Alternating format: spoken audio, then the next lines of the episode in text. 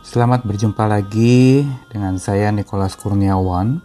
Hari ini saya ingin mengajak kita belajar dari sebuah tema dari firman Tuhan sebagai inspirasi penumbuh rohani kita, yaitu tentang mempertajam kepekaan kita mendengar suara Tuhan di tengah-tengah kegaduhan dunia. Listening to the voice of God in the noise of the world. Kita akan belajar dari seorang tokoh yang bernama Samuel, seorang nabi yang Tuhan pakai dengan begitu luar biasa dan awal mula panggilannya ini menjadi pembelajaran kita tentang mendengarkan Tuhan secara tajam. Bacaan kita dari 1 Samuel pasal 3 ayat 1 sampai 6 Samuel yang muda itu menjadi pelayan Tuhan di bawah pengawasan Eli. Pada masa itu firman Tuhan jarang, penglihatan-penglihatan pun tidak sering. Pada suatu hari Eli yang matanya mulai kabur dan tidak dapat melihat dengan baik, sedang berbaring di tempat tidurnya.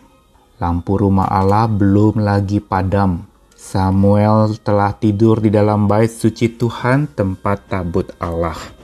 Lalu Tuhan memanggil Samuel, Samuel, dan ia menjawab, "Ya, Bapa." Lalu berlarilah ia kepada Eli, serta katanya, "Ya Bapa, bukankah Bapa memanggil aku?" Tetapi Eli berkata, "Aku tidak memanggil, tidurlah kembali." Lalu pergilah ia tidur. Dan Tuhan memanggil Samuel sekali lagi. Samuel pun bangunlah, lalu pergi mendapatkan Eli serta berkata, Ya Bapa, bukankah Bapa memanggil aku? Tetapi Eli berkata, Aku tidak memanggil anakku. Tidurlah kembali. Lalu ayat yang ketujuh, Samuel belum mengenal Tuhan, firman Tuhan belum pernah dinyatakan kepadanya. Dan Tuhan memanggil Samuel sekali lagi untuk ketiga kalinya, ia pun bangun, lalu pergi mendapatkan Eli serta katanya, "Ya Bapa, bukankah Bapa memanggil aku?" Lalu mengertilah Eli bahwa Tuhanlah yang memanggil anak itu. Sebab itu berkatalah Eli kepada Samuel, "Pergilah tidur dan apabila ia memanggil engkau, katakanlah, berbicaralah Tuhan sebab hambamu ini mendengar." Maka pergilah Samuel dan tidurlah ia di tempat tidurnya. Lalu datanglah Tuhan berdiri di sana dan memanggil seperti yang sudah-sudah, Samuel, Samuel, dan Samuel menjawab, Berbicaralah sebab hambamu ini mendengar.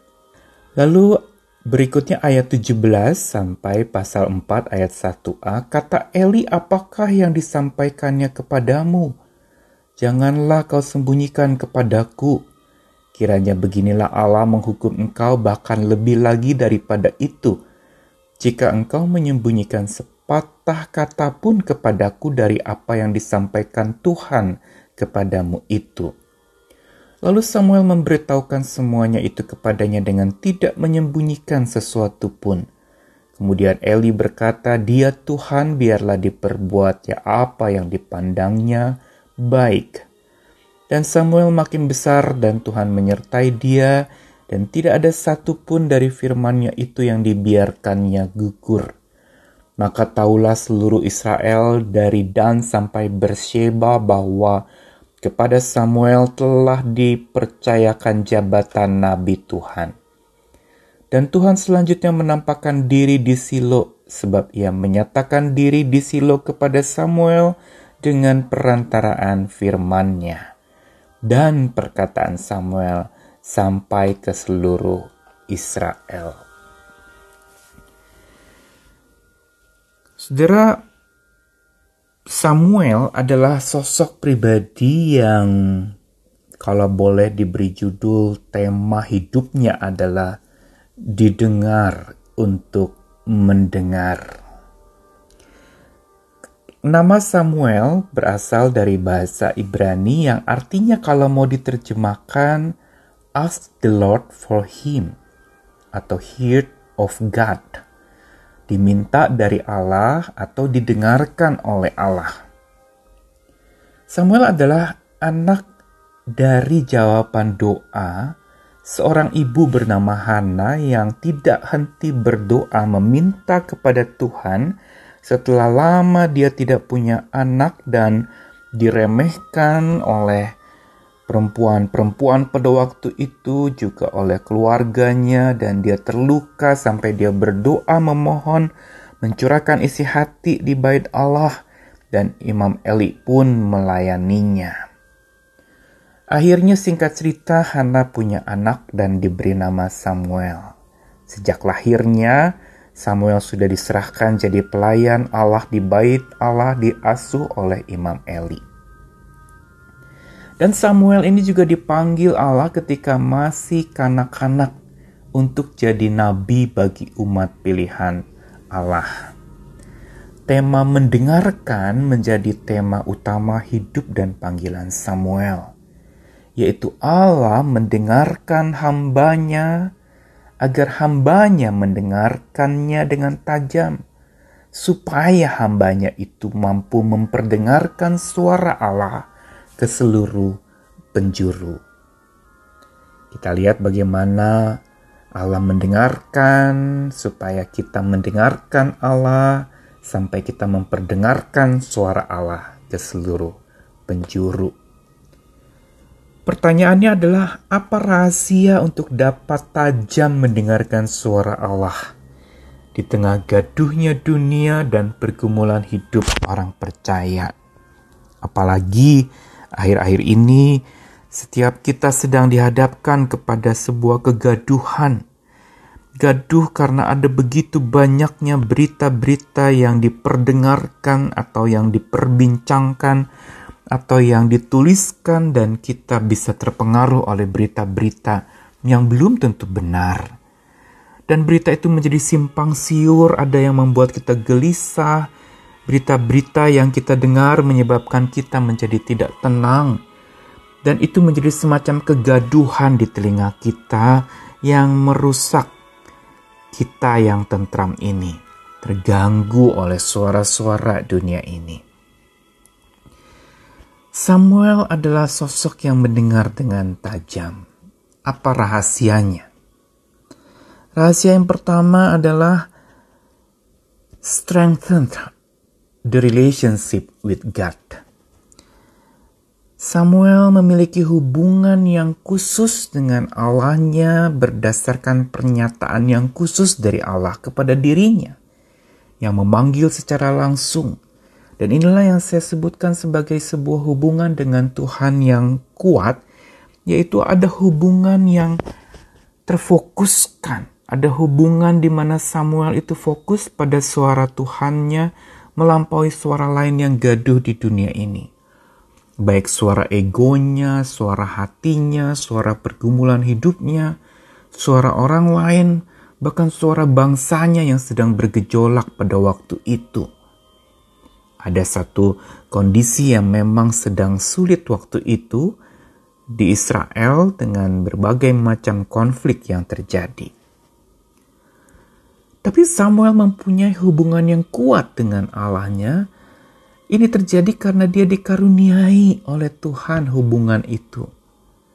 Dan ini yang tidak pernah bisa diambil daripadanya sekaligus ini menjadi modal dan bekal untuk Samuel melayani Tuhan. Inilah kunci aksi kita bergiat bagi Tuhan, yaitu relasi kita yang kuat dengan Tuhan.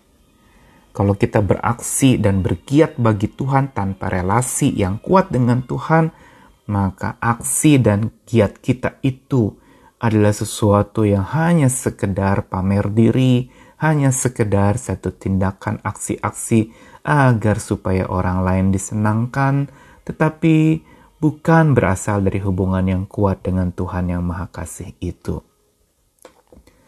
Hal kedua yang menyebabkan Samuel bisa tajam mendengarkan suara Tuhan di tengah-tengah gaduhnya dunianya waktu itu adalah Samuel itu merendahkan dirinya di hadapan Tuhan. Humble ourselves before God. Samuel merendahkan diri di hadapan Allah. ketika dia diajarkan oleh Imam Eli yang mengatakan, Berbicaralah sebab hambamu mendengar, ini menunjukkan sikap merendah dan menghamba di hadapan Allah yang memang sudah seharusnya ketika kita mau mendengarkan suara Tuhan. Yaitu agar tajam mendengarkan suara Tuhan kita perlu menenangkan diri, diam, merendahkan diri agar suara Tuhan lebih jelas terdengar. Menarik sekali kata listen dan silent itu huruf-hurufnya sama hanya diputar-putar saja. Ingin memberitahu bahwa ketika kita mau dengar dengan tajam, listen dengan tajam, maka kita perlu silent. Kita perlu tenang. Orang yang menghamba diri kepada Allah tidak akan menghambat karya Allah di dalam dan melalui dirinya. Inilah ciri seorang hamba, yaitu dengar-dengaran dia tajam mendengarkan apa yang dikatakan dan dikehendaki oleh tuannya. Selain itu bukan saja humble setelah strengthen itu hubungan yang dikuatkan dan juga hidup yang menghamba kepada Tuhan, tapi Samuel juga available to listen for what God said dia menyediakan dan menyiapkan diri untuk mendengarkan apa yang Allah katakan. Apa yang diajarkan oleh Imam Eli itu menjadi moto hidupnya yang ketika Tuhan mau berbicara dia selalu mengatakan hambamu ini siap mendengarkan. Bukan saja butuh humble seseorang di dalam mendengarkan tapi juga butuh available. Menyediakan diri, waktu, perhatian, dan seluruh kapasitas hidupnya untuk bisa tajam mendengar. Bukan mendengar sambil lalu, asal-asalan atau sekedar isi waktu, tetapi mendengar tanpa berlalu.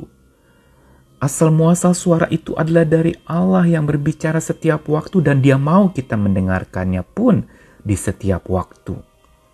Pertanyaannya apakah kita sedia dan menyediakan waktu khusus untuk mendengarkan Tuhan senantiasa? Berikutnya adalah respond to the calling voice of God. Berespons menjawab suara panggilan Allah. Dan di dalam ayat tadi dibacakan bagaimana Samuel menjawab, berbicaralah. Inilah awal mula dan karakter dasar dari seorang yang dipanggil oleh Tuhan untuk menjadi hambanya yang responsible. Yaitu dia memiliki ability to respond dia mempunyai kemampuan untuk berespon, tidak diam saja tanpa reaksi, tapi menyahut, menjawab, berbincang, dan menyapa langsung. Sebagai wujud hatinya diarahkan kepada Tuhan, hidupnya diarahkan kepada Tuhan. Saudara, hubungan dengan Tuhan adalah hubungan yang ada saut menyahut, bukan saja Tuhan bicara dan kita diam, atau kita bicara dan Tuhan diam, tidak. Ada dia berespon dan kita juga meresponinya. Matius 7 dikatakan mintalah, carilah, ketuklah. Tuhan mau kita bicara. Tuhan tahu isi hati kita tetapi dia rindu kita mencurahkan isi hati kita secara langsung sebagai respon kita pada keberadaan dan kuasa Tuhan. Respon inilah yang membuat kita tajam mendengar. Dan yang terakhir dari kata sharp itu put into practice what God said in our life. Melakukan dan memperlakukan apa yang Allah katakan dalam hidup kita. Sudah perhatikan bagaimana Samuel walaupun awalnya setelah dia mendengarkan suara Tuhan dan berita yang cukup merisaukan keluarga Eli, awalnya Samuel segan menyampaikan suara Tuhan. Tapi akhirnya ia menyampaikan apa yang Tuhan katakan setelah Imam Eli mengatakan untuk mengungkapkan itu. Memang itu berita yang tidak enak didengar, tapi karena itu adalah sebuah kebenaran, maka itu perlu diperdengarkan. Dan Samuel yang tajam mendengarkan Tuhan juga memperdengarkan suara Tuhan itu ke seluruh penjuru. Kepada Imam Eli pertama-tama lalu kemudian dikatakan dalam ayat 19, semua orang menjadi tahu suara Tuhan itu disampaikan dan apa yang dikatakannya itu dalam ayat 19 dikatakan itu tidak pernah gagal perkataan Samuel itu. Kenapa? Karena dia tidak pernah gagal mendengarkan perkataan Tuhan dan suara Tuhan, maka dia juga tidak pernah gagal menyuarakan suara Tuhan kepada semua orang. Inilah rahasianya untuk kita bisa tajam mendengar dari kata sharp. Pertama adalah strengthened. Kuatkan hubunganmu dengan Tuhan. Kedua, humble yourself. Rendahkan dirimu di hadapan Tuhan.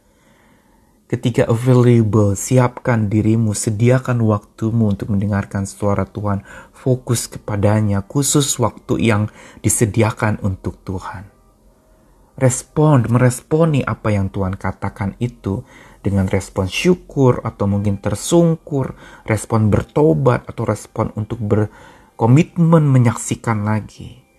Dan terakhir, untuk kita mendengar dengan tajam kita butuh mempraktekkannya, put into practice.